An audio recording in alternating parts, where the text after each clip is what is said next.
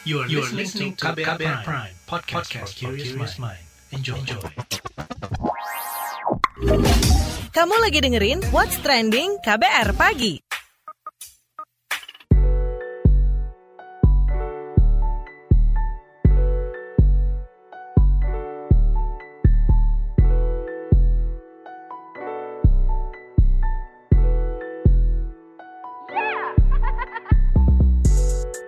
KBR Pagi, siaran pagi radio paling update. Selamat pagi, apa kabar Anda hari ini di hari Rabu 27 Januari 2021?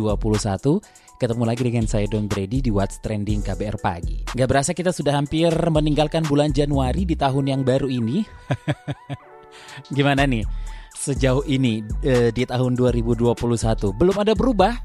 Hmm, Sepertinya masih sama aja ya, tapi eh, mau gimana lagi kita harus tetap semangat dan yang pasti kita harus tetap patuhi yang namanya protokol kesehatan ya. Well by the way, seperti kita ketahui, pemerintah itu memutuskan memperpanjang pemberlakuan pembatasan kegiatan masyarakat atau PPKM. Jadi ini diperpanjang hingga 8 Februari 2021 mendatang. Sebelumnya PPKM di beberapa daerah Jawa Bali itu di, dimulai dari 11 hingga 25 Januari 2021. Tapi hingga pekan kedua, PPKM tahap pertama itu belum ada penurunan kasus COVID-19.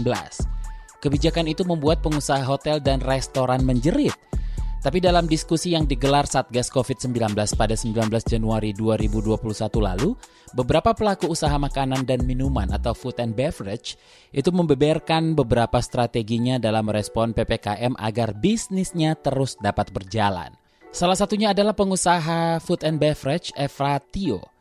Efrat mengaku mampu memanfaatkan kondisi pandemi dengan cara menonjolkan protokol kesehatan yang diunggulkan oleh restorannya. Ini demi memberi keyakinan pada pengunjung untuk datang ke tempatnya. Selain itu, promosi besar-besaran dilakukan lewat media sosial hingga menjadi viral. Pada kesempatan yang sama, pengusaha sektor makanan dan minuman lainnya bernama Mas Bukin Pradana juga menyampaikan strateginya bertahan di tengah pelaksanaan pembatasan kegiatan masyarakat atau PPKM. Seperti apa? Nanti kita akan bahas ya. Kita akan bahas strategi pengusaha hotel dan resto merespon PPKM. Tapi seperti biasa, kita dengarkan dulu seperti apa opini warganet plus 62 berikut ini.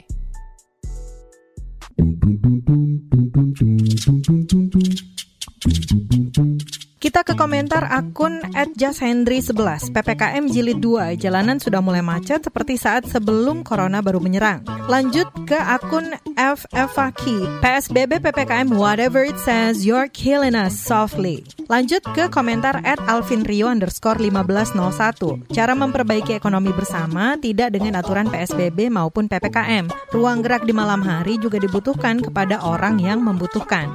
Lanjut ke komentar at Darmadisme. Dengan adanya adanya PPKM dan pembatasan jam malam, pemerintah menyarankan pedagang terang bulan untuk berjualan di siang hari.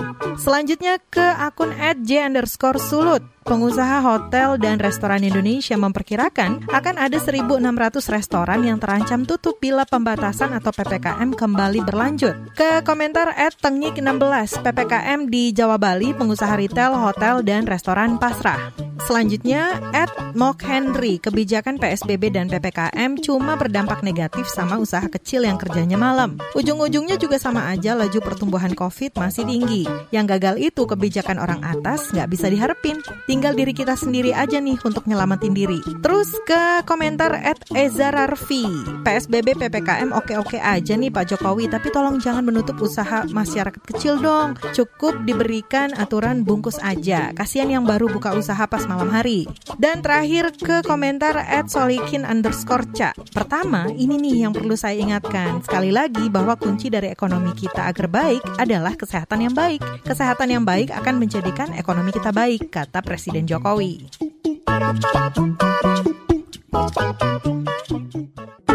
What's Trending KBR Pagi Balik lagi di What's Trending KBR Pagi bersama saya Don Brady yang lagi ngobrolin soal strategi pengusaha hotel dan resto merespon PPKM. Jadi pengusaha F&B atau Food and Beverage Efrat Tio mengatakan bahwa ia harus memelihara optimisme di tengah pandemi ini. Hingga ia memutar otak untuk melakukan beberapa inovasi. Seperti apa saja strategi yang dilakukannya selengkapnya kita simak berikut ini. Mungkin bisnis saya agak sedikit khusus ya, karena bisnis saya itu nggak bisa, kafe saya itu nggak bisa untuk orang Gojek, tadi Grab gitu. Jadi saya ada live band, ada musik di dalam resto saya. Justru di situ bisnis saya paling kena dampak itu adalah pada waktu live band itu tidak boleh. Jadi tidak ada pertunjukan live ya, kita otomatis tutup total. Walaupun bisa buka jam 9 kalau di restoran lain, tapi kita harus tutup total. Nah begitu diizinkan, nah di situlah baru kita mengalami pertumbuhan. Langsung saya ambil strategi-strategi khusus gitu untuk bagaimana caranya bisnis saya di era pandemi ini bisa bukan hanya bertahan tapi bisa bisa untung gitu. Jadi pikiran saya pertama adalah kalau kita bisnis itu ibarat seperti analoginya kita seperti berperang lah melawan musuh gitu. Jadi kita perlu strategi, kita perlu peralatan perang, kita harus mengetahui kondisi market kira-kira gimana, kita harus optimis dan lain-lainnya. Akhirnya ya saya membuat beberapa trik gitu. Misalnya contohnya saya membuat video protokol, saya buat protokol di tempat saya benar-benar protokol yang inovatif banget Misalnya contohnya kita punya meja, kita punya handle, kita import film khusus antivirus dari Korea sampai kita lakukan itu. Sampai kita di setiap meja kita kasih hand sanitizer tapi yang diffuser yang otomatis. Kita robah semuanya Unioir kita, wastafel kita, kita robah semuanya jadi touchless. Dan kita kemas dengan begitu baiknya dan kita upload di sosial media cukup viral ya. Jadi di WA WA group itu ada sebuah resto yang sampai sebegininya gitu membuat protokol COVID. Sampai waktu itu saya dipanggil sama Aspija juga Asosiasi Pengusaha Hiburan uh, Jakarta untuk protokol saya dijadikan contoh suatu benchmark gitu untuk disosialisasi ke pemerintah dan untuk pengusaha-pengusaha yang lainnya gitu. Nah, ia mengungkapkan upayanya melakukan research and development atau R&D sebelum mempromosikan produknya itu dilakukan agar tercapai sasaran konsumen yang dituju nih. Selanjutnya, promosi dilakukan gencar melalui media sosial dan lebih jelasnya lagi kita dengarkan penuturan pengusaha F&B Mas Bukin Pradana. Yang pertama gini, ini kan situasinya semua orang menahan diri untuk belanja ya. Karena kondisi pandemi ini kan tidak hanya kita yang berdampak, hmm. calon si konsumennya kan juga berdampak. Sehingga memang kita mesti bijak, artinya gampangnya ngatur cash flow lah. Promosi tetap harus dilakukan, baik lewat terutama lewat sosmed gitu ya, baik yang berbayar maupun tidak. Nah, yang pertama kita bisa melakukan tidak berbayar. Misalkan kita punya database di akun WhatsApp gitu ya, dan itu kita bisa belas program apa atau produk apa yang kita sajikan. Jadi di tengah pandemi ini kita mesti melakukan inovasi. Yang pertama mungkin bisa dari sisi R&D produk. Jadi yang tadinya misalkan di bakso sapi itu kami hanya menjual bakso gitu ya, bakso Malang ya. Karena kami melihat wah ini orang butuh makanan pokok. Terus kami sajikan, kami siapkan ada mie ayam. Ada juga uh, produk nasi, jadi ditambahin nasi goreng misalkan gitu.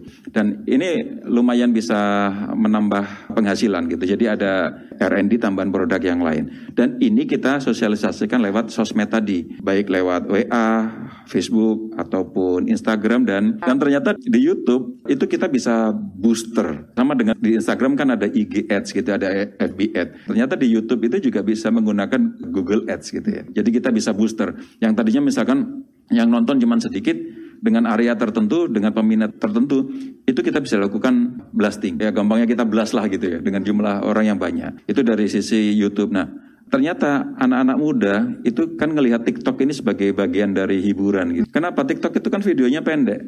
Paling yang umum ya 20 detik atau 30 detik meskipun bisa beberapa menit gitu ya. Nah ini kan terkait dengan kuota. Jadi TikTok itu sekarang bisa dipakai sebagai media untuk promosi juga gitu. Jadi kita bisa bikin video-video yang menarik, yang singkat gitu ya terus kita upload di TikTok dan itu bisa ya menambah calon eh, pelanggan lah yang itu mungkin lewat WA karena mereka sudah merasakan kalau lewat media yang lain kan mungkin orang mengenalkan orang yang belum pernah datang atau belum tahu produk kita. Sementara itu tak tutup telinga terhadap aspirasi pelaku usaha makan dan minum, pemerintah Kota Solo menggandeng pengusaha kuliner dalam merespon perpanjangan masa PPKM Jawa Bali periode kedua. Wali Kota Solo Hadi Rudiatmo mengatakan pengusaha kuliner terutama yang beroperasi di tengah malam atau di waktu malam ya, sangat terdampak pembatasan operasional usaha hingga jam 7 malam. Soalnya di Solo ribuan usaha angkringan menjadi tulang punggung ekonomi masyarakat. Rudi mengatakan aturan baru berupa surat edaran atau SE wali kota akan sedikit diperlonggar antara lain pembatasan jam operasional pedagang kuliner malam dimundurkan satu jam. Meski demikian, dia mengingatkan bahwa sanksi akan diberikan secara tegas jika ada yang melanggar aturan. Untuk lebih jelasnya lagi, kita simak pernyataan Wali Kota Solo, Hadi Rudiatmo, menjelang keluarnya SE Jilid 2. Jadi satu sisi penyebaran juga harus kita kendalikan, sisi yang lain ekonomi harus bergerak. Jangan sampai uh, kita hanya terfokus pada penyebaran saja, namun ekonomi uh, tidak kita kendalikan juga bahaya. Makanya dua-duanya juga harus kita tangani dengan dengan kebijakan-kebijakan yang, yang yang tentunya sesuai dengan harapan pusat. Tapi paling tidak catatan yang harus dipenuhi oleh masyarakat itu kalau sudah diberi jam operasional itu naik melebihi ya tak akan tutup. Kemarin juga kita sudah dapat masukan dari pengusaha retail, Pak tutupnya pun jam itu. Kalau tutupnya itu semakin malam itu kita susah untuk mengendalikan juga. Terus restoran juga sama. Nah harapan saya kalau itu nanti ada pelanggaran, kalau ada tindakan ya jangan sampai ada perlawanan. Kita sudah memberi kebijakan yang agak longgar dan kan. Tapi protokol kesehatan tetap harus wajib hukumnya. Dan tentunya uh, sebelum SE ini kita keluarkan nanti saya minta untuk per perwakilan dari pedagang he, warung, warung makan, restoran, uh, lantas untuk hiburan malam itu nanti akan kita undang. Di samping aspirasi akan kita tegaskan di situ. Kalau kamu besok melanggar ya kita tutup dua minggu. Nanti kita akan ngobrol dengan Wakil Ketua Umum Perhimpunan Hotel dan Restoran Indonesia Maulana Yusran. Jadi jangan ke mana-mana, tetap di What's Trending KBR Pagi. Newsbeat. Pemerintah Inggris akan mewajibkan karantina bagi pelancong yang berasal dari negara-negara dengan kasus COVID-19 tinggi. Karantina akan dilakukan di hotel selama 10 hari. Melansir dari Daily Mail, wisatawan dari Brazil, Afrika Selatan, dan negara di sekitarnya akan mendapatkan perhatian dari otoritas terkait. Perdana Menteri Inggris Boris Johnson dikatakan akan memimpin Komite COVID untuk segera mengesahkan kebijakan tersebut. Sementara itu, para pimpinan Uni Eropa sedang menyusun larangan penerbangan dari Inggris ke semua negara anggota untuk mencegah gelombang baru corona. Senat Amerika Serikat menunda sidang pemakzulan bekas Presiden Donald Trump hingga 8 Februari mendatang. Pemunduran ini dilakukan lantaran Senat ingin fokus pada agenda kebijakan dari Presiden Amerika Serikat Joe Biden dan kabinet barunya. Pemimpin mayoritas Senat Amerika Serikat pun mengungkapkan pemunduran jadwal sidang pemakzulan ini akan memberikan waktu bagi DPR untuk mempersiapkan sidang tersebut. Meskipun telah lengser, pemakzulan Trump dianggap penting oleh badan legislatif tersebut. Sebab jika keputusan sidang memfonis Trump bersalah, ia tak akan bisa lagi mencalonkan diri lagi di Pilpres mendatang. Pemakzulan ini dilakukan karena Trump dianggap sebagai salah satu pemicu kerusuhan di gedung Capitol Hill, Washington DC pada 6 Januari lalu. Perilisan film Hollywood, James Bond dan A Quiet Place 2 kembali tertunda akibat pandemi COVID-19 yang tak kunjung selesai. Ini adalah pemunduran jadwal rilis kedua bagi James Bond No Time to Die, sedangkan bagi A Quiet Place 2 adalah pemunduran ketiga. Penayangan film James Bond diundur sampai 8 Agustus 2021 dan A Quiet Place 2 sampai September mendatang. Pemunduran sejumlah film di Hollywood lantaran pihak rumah produksi menginginkan keuntungan yang lebih besar. Sebab film Hollywood seperti James Bond No Time to Die menghabiskan biaya produksi hingga 400 juta US dollar. Hal ini pun membuat pelaku bisnis bioskop menjerit akan sepinya film-film besar yang mengakibatkan kian sedikitnya penonton.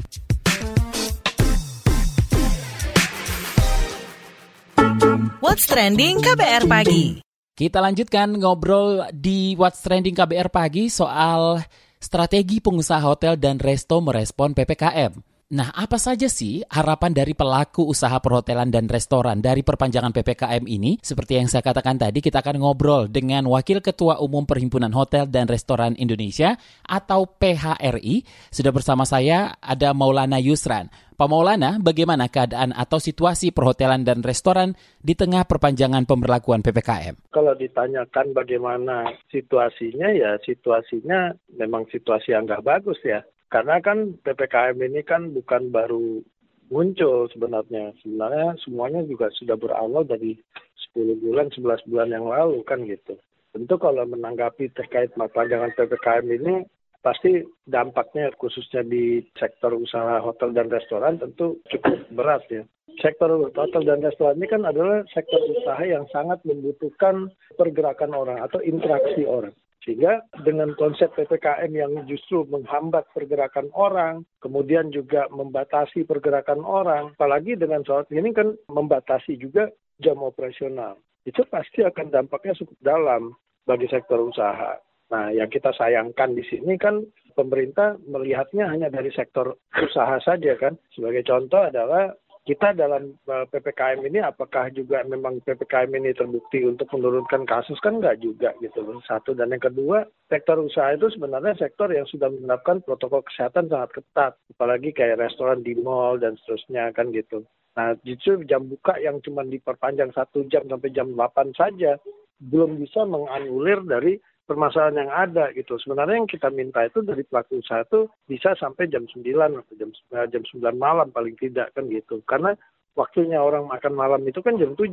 Kan nggak mungkin dia dengan jam 8 itu berarti dia sudah bisa mengakomodir semuanya. Karena kan kita tidak melihat di sini sektor usaha itu yang cuma dilihat restoran itu ada berada di luar saja. Tapi kan yang di dalam mall dan seterusnya kan mereka juga adalah sektor-sektor usaha yang memang mereka membutuhkan omset, membutuhkan uh, pendapatan, membutuhkan operasional karena di situ ada karyawan, ada daya tahan perusahaan, dan seterusnya. Apa imbas perpanjangan pemberlakuan PPKM hingga Februari terhadap pengusaha hotel dan restoran? Imbas langsungnya kalau untuk di hotel adalah penurunan okupansi yang cukup drastis. Kemudian juga dari sisi restoran juga gitu, konsumennya tentu menurunnya juga cukup drastis. Dan penurunan itu kan akan berdampak kepada pendapatan mereka. Dampak ke pendapatan itu tentu juga berhubungan dengan keberlangsungan dari usaha itu sendiri. Jadi kita di sini kan juga punya rakyatnya, itu tenaga tenaga kerja di dalam situ yang juga harus disupport hidupnya kan gitu. Yang saat ini 10, 10 bulan itu mungkin sudah 60 persennya udah nggak bekerja kan gitu karena unpaid leave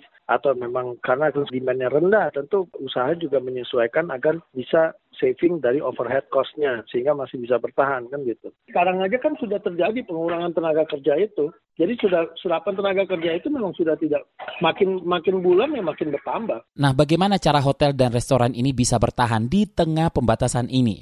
Apakah pinjaman lunak yang diberikan pemerintah bisa menjadi solusi? Tidak cukup. Kenapa gitu?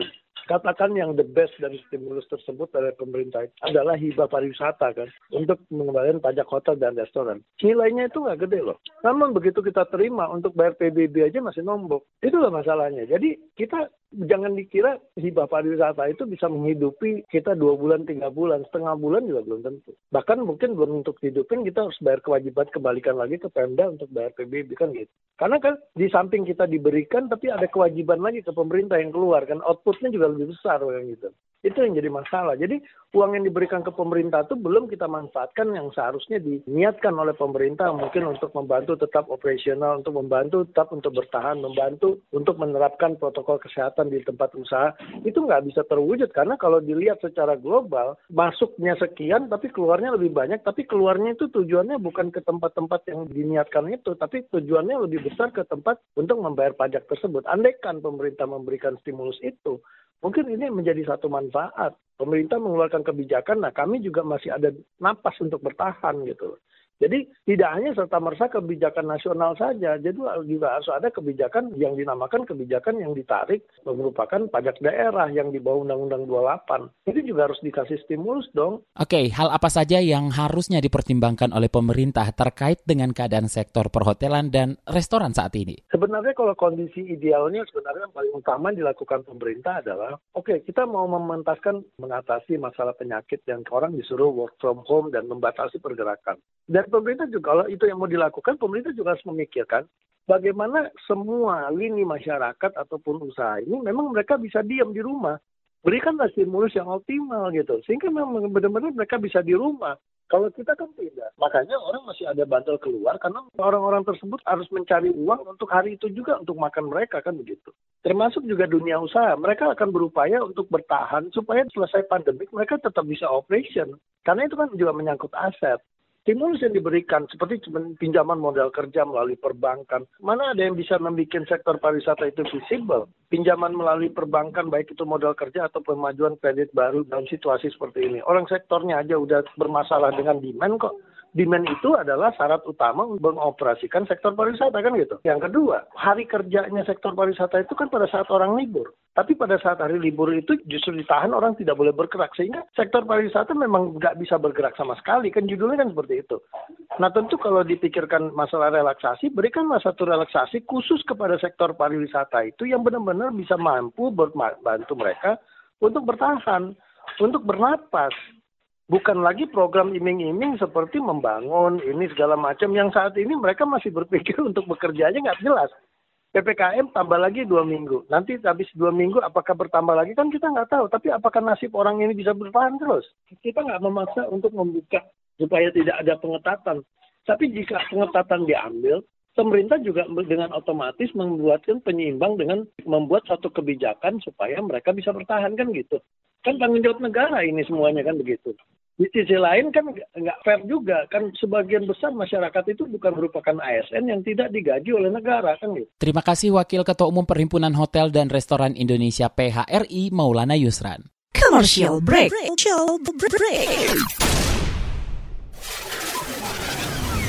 Psikolog Tiffany Chandra menjelaskan ciri-ciri orang tua toksik karena ini kan toksik dan tidak toksik agak susah ya yeah. bagi kita untuk membedakan terutama di budaya kita. Yang nggak boleh tuh kayak melawan orang tua. Memang kita yeah, tuh yeah. dari kecil dibiasakan orang tua soal benar. Memang kita udah terima itu sebagai suatu fakta. Betul, nah sulitnya bagi kita membedakan itu sehingga kebanyakan yang punya orang tua toksik tapi nggak sadar bahwa secara emosional mereka sudah di abuse karena mereka taunya memang yang namanya orang tua ya kayak gitu selalu benar yang salah pasti anaknya. Itu yang dikhawatirkan nanti. Nanti pasti pembelaannya ya kalau mama atau papa nggak sayang sama kamu nggak mungkin lah kamu disekolahin nggak mungkin lah dibeliin macem-macem gitu. Hmm. padahal mungkin secara emosional mereka memang mendapatkan abuse.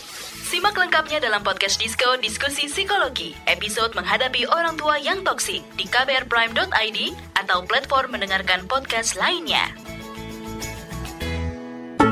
What's Trending KBR Pagi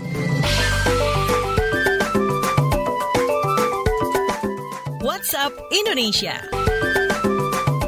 Selamat pagi, hari ini WhatsApp Indonesia kita awali dari Sumatera. Presiden Joko Widodo meminta kepala daerah memanfaatkan akses tol kayu Agung Palembang untuk menguatkan sektor perekonomian seperti pertanian dan wisata. Ia juga meminta kepala daerah untuk memanfaatkan potensi lahan kosong di sekitar jalan tol untuk mendirikan sentra bisnis. Menurutnya potensi kawasan tersebut sangat baik untuk iklim usaha dan peluang membuka lapangan kerja.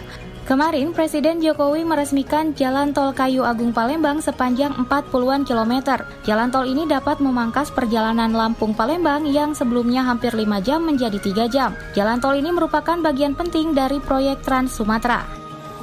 Selanjutnya, kita menuju Lampung. Menteri Pekerjaan Umum dan Perumahan Rakyat Basuki Hadi Mulyono mengatakan, pemerintah pusat mentargetkan bendungan Marga 3 dan Wai Sekampung di Lampung selesai dibangun tahun ini. Kata dia, bendungan dibuat untuk mempermudah akses irigasi para petani.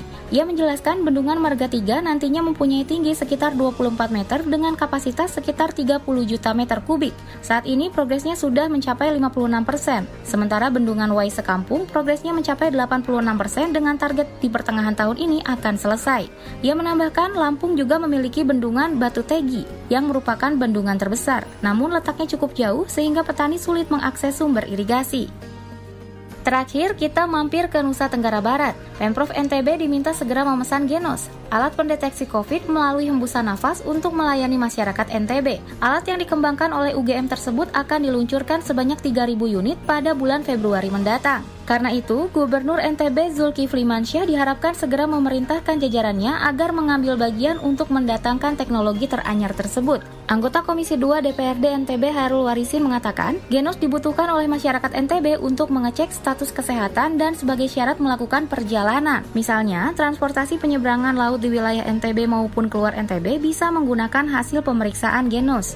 Ia mengatakan Genos sedang menjadi pusat perhatian masyarakat. Terlebih, tingkat akurasi dalam mendeteksi virus corona bisa mencapai 90% dengan biaya yang jauh lebih murah dibanding tes swab atau rapid test antigen. Guna merespon hal tersebut, Pemprov NTB diharapkan segera membuat regulasi yang mendukung penggunaan alat tersebut untuk melayani masyarakat. Demikian WhatsApp Indonesia hari ini. Demikian KBR pagi hari ini. Jika Anda tertinggal siaran ini, Anda kembali bisa menyimaknya di podcast What's Trending yang ada di kbrprime.id, di Spotify, atau di aplikasi mendengarkan podcast lainnya. Don't Brady undur diri, stay safe, bye-bye. Terima kasih ya sudah dengerin What's Trending KBR Pagi. KBR Prime, cara asik mendengar berita. KBR Prime, podcast for curious mind.